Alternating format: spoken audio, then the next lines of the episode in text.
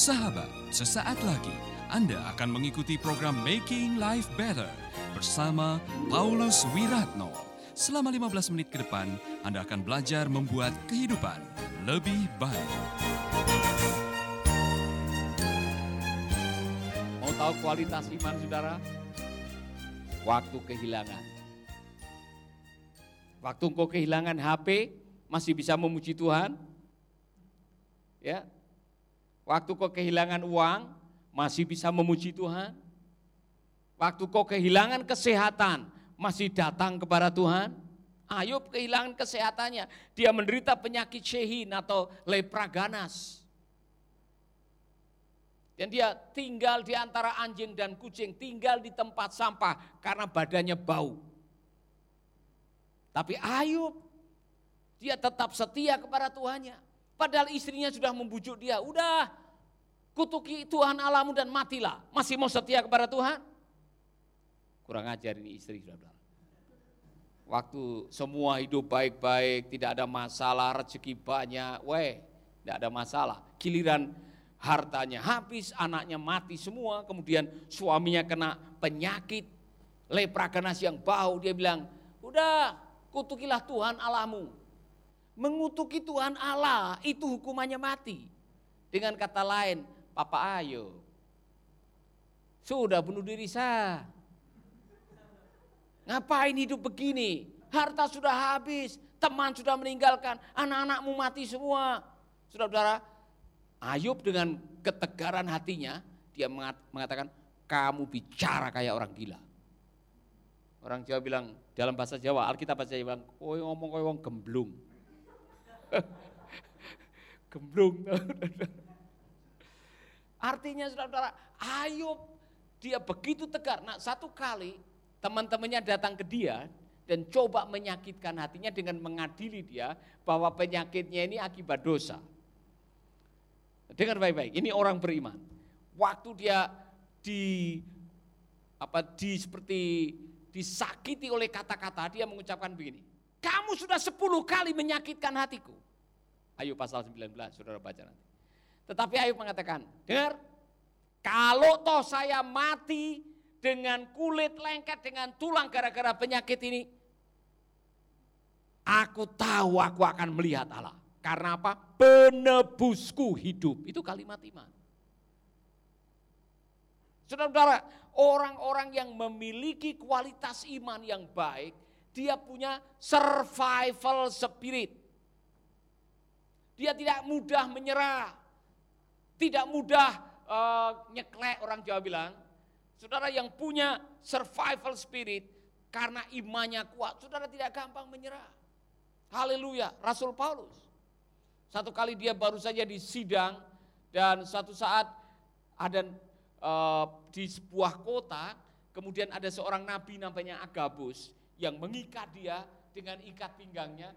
Kemudian Agabus mengatakan, kamu kalau boleh jangan pergi ke Israel. Karena kamu nanti akan diikat, kamu akan e, mengalami kesulitan di sana. Tapi dia mengatakan, saya, saya tahu apa yang saya lakukan. Buat saya kalau hanya diikat saya tidak masalah. Saya sudah memberikan hidup saya kepada Tuhan. Nyawa saya menjadi taruhan atas panggilan saya. Dia mengatakan, dan benar dia jalan. Dan dia mengalami itu. Tetapi justru dengan peristiwa di mana dia diadili di hadapan orang-orang uh, Israel, dia punya kesempatan, dia mengambil kesempatan untuk memberitakan kabar baik. Orang yang punya iman, orang yang punya keyakinan yang kuat, dia tidak takut menghadapi tantangan dan kesulitan. Amin. Haleluya. Jadi saudara-saudara, kalau saya bertanya kepada saudara-saudara bagaimana iman saudara, kuat, kuat sekali, setengah kuat, loyo.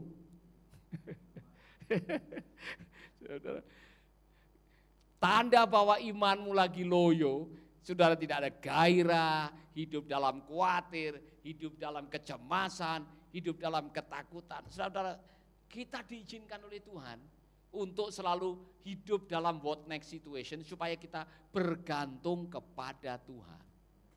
Saya percaya sekali Tuhan sedang izinkan Mercy Indonesia menghadapi tantangan secara finansial juga supaya kita bergantung sepenuhnya kepada Tuhan, bukan kepada manusia. Berbahagialah kepada orang yang mengandalkan Tuhan, mengandalkan Tuhan, mengandalkan Tuhan. Katakan kepada teman saudara, berbahagialah yang mengandalkan Tuhan. Amin. Bagaimana iman saudara? Jangan sampai tiap hari baca firman, tetapi saudara-saudara hidup saudara kurang iman. Nanti saudara akan ditegur oleh Tuhan seperti para murid itu. Ketika sudah sama-sama dengan Tuhan Yesus menghadapi gelombang, tiba-tiba para murid pada bangun ketakutan dan mengatakan, guru tidak pedulikan kau dengan kami.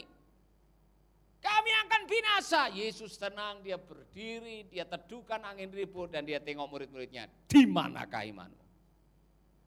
Di manakah imanmu? Ini penting sekali saudara. Hidup setiap hari harus melibatkan iman.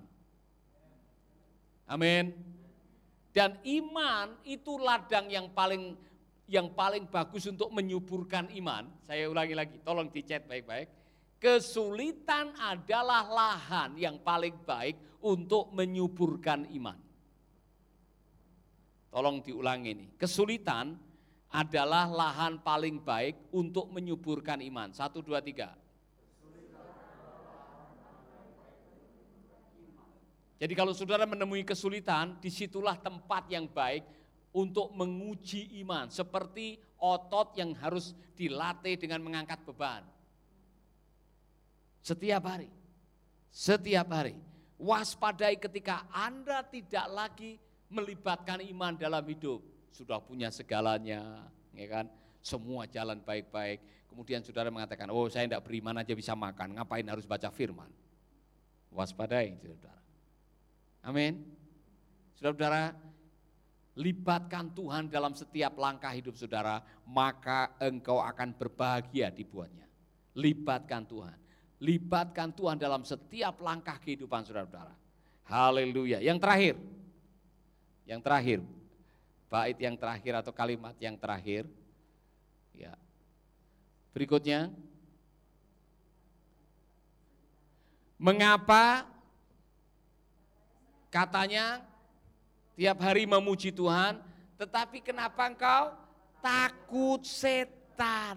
Saya mau saudara jujur, Siapa di antara saudara-saudara yang masih takut setan? Emangnya pernah lihat? Susi, Susi angkat tangan, Elda angkat tangan. Emang pernah pernah lihat setan? Kayak apa? Wajahnya, coba tolong gambarkan setan itu kayak apa? Hah? Setahu saya, saya pernah lihat ketika kau marah-marah kemudian kau bercermin, kemudian lihat, oh itu lihat dia.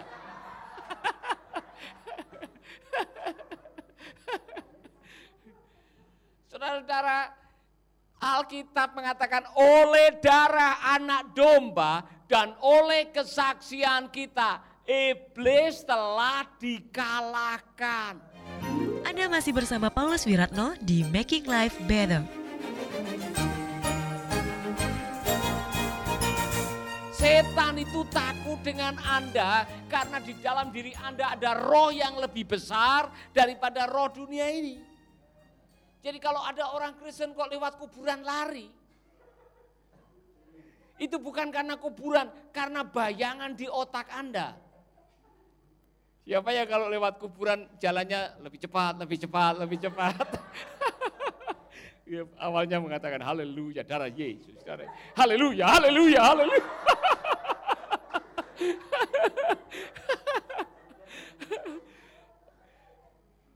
Saudara-saudara saya mau mengatakan kepada saudara-saudara, setan itu bukan musuh kita. Maksudnya yang real, musuh kita yang real itu bukan setan karena setan itu sudah dikalahkan. Musuh kita yang paling nyata dan kadang-kadang sulit untuk ditaklukkan adalah old nature yang saya masih katakan kemarin, saya ajarkan kemarin. Apa itu? Kedagingan kita. Atau world view, atau cara pandang dunia yang salah yang membuat kita harus bergumul setiap hari. Jadi saya sudah berkali-kali mengalami ada orang yang mau nyantet, ada orang yang barangkali pernah kena santet, kita doakan dalam nama Yesus, semua santetnya bisa keluar. Paku, kerikil, silet bisa keluar dari perutnya. Saya pernah menyaksikan itu. Jadi kuasa jahat, kuasa santet, kuasa tenung bisa dikalahkan. Dengan kuasa darah Yesus. Jadi kalau tiap hari saudara memuji Tuhan, ku kalahkan musuh dan melompat tembok, haleluya, darah Yesus. Saudara lari. Padahal baru menyanyikan, ku menang, ku menang, bersama Yesus Tuhan, ku menang, ku menang. Tidak, oh, saudara lari. Waspadai, saudara, ketika saudara menjadi orang yang penakut. Lawanmu itu berkeliling, iblis berkeliling untuk cari saudara, untuk membuat Anda terjatuh. Yang paling bahaya adalah keraguan. Ketika Anda hidup dalam keraguan, dia akan datang untuk membuat Anda melawan kebenaran firman. Waspadalah, ada kuasa dalam darahnya. Amin. Ada kuasa dalam darahnya. Saya mengatakan iblis itu pin-pin bo pintar-pintar bodoh. Mengapa dia pintar-pintar bodoh? Kalau dia tahu bahwa oleh kuasa darahnya iblis dikalahkan, harusnya dia tidak bawa Yesus ke kayu salib. Dia tidak menyadari, ya kan, bahwa justru darahnya yang mengalir dari kayu salib dan kebangkitannya itulah yang mengalahkan iblis. Jadi orang Kristen tidak perlu pakai jimat-jimat lagi untuk melawan kuasa gelap dari kan, kanan itu kantongnya penuh dengan pejimat ya, ada keris yang kecil itu ya, kemudian ada yang dibungkus kain kafan. Ya, raja, saudara pakai gelang lagi katanya itu e, dari pegunungan Alor, ya kan? Tuh, kemudian saudara pakai anting tolak balak, ya kan? Saudara pakai e, seperti ada e, kalung yang bisa menjaga melindungi saudara dan saudara mendapatkan kekuatan dalam, tidak perlu itu. Karena roh yang ada di dalam diri kamu lebih besar daripada roh di dunia ini. Cukup dibutuhkan iman, keyakinan. Amin. Amin. Saya mau tanya ini, kalau tetangga sebelah kanan rumahmu kerasukan setan, saudara berani mendoakan? Berani Bu ya? Berani? Yosua berani? Ya.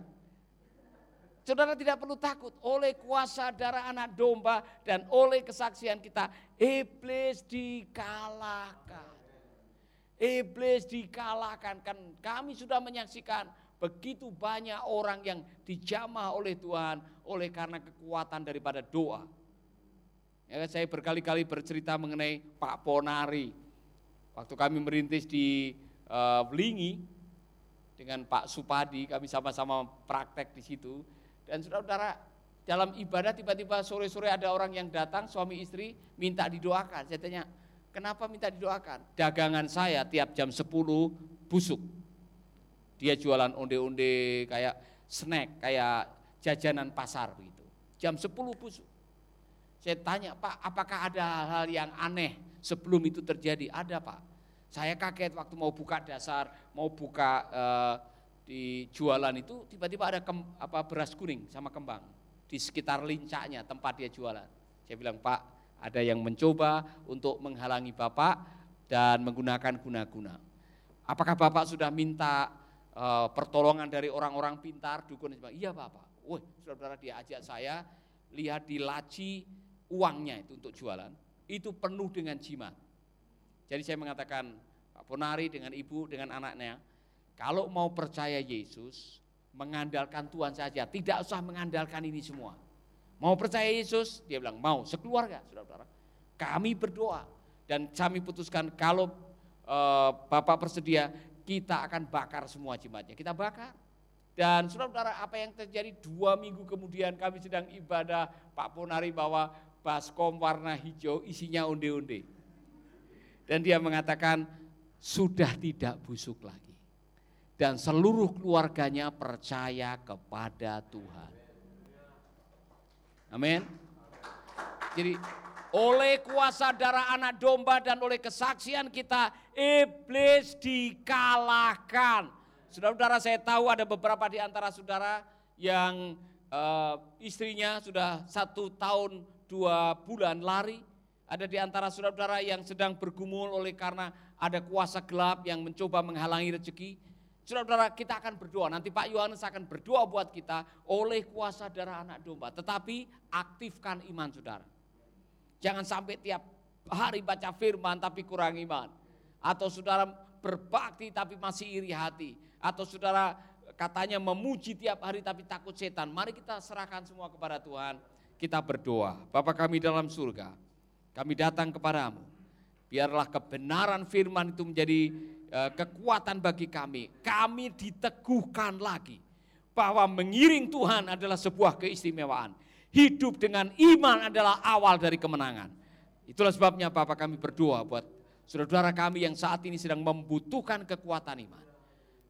Kuatkan iman kami dengan kebenaran firman. Yang saat ini barangkali kami sedang terintimidasi oleh pikiran dan kekuatan setan. Berikan kekuatan dan kemenangan untuk menghadapi. Terima kasih Roh Kudus. Terima kasih Roh Kudus. Haleluya. Sahabat, Anda baru saja mendengarkan Making Life Better bersama Paulus Wiratno. Jika Anda diberkati, kirimkan kesaksian Anda ke Radio Dian Mandiri, Jalan Intan LC2, Gang 4, Nomor 1, Denpasar, Bali. Kunjungi website kami di pauluswiratno.com, Facebook Paulus Wiratno. Hubungi kami di 0811 3901 144 dan 0811 3901 140. Sekali lagi 0811 3901 144 dan 0811 3901 140. Anda juga bisa mendengarkan program Making Life Better ini melalui handphone Anda. Download aplikasinya di Play Store atau App Store. Sahabat, Mari dukung program Making Life Better ini melalui rekening BCA 6690300525.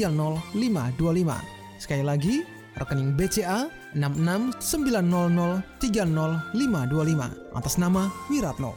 Terima kasih, Tuhan Yesus memberkati.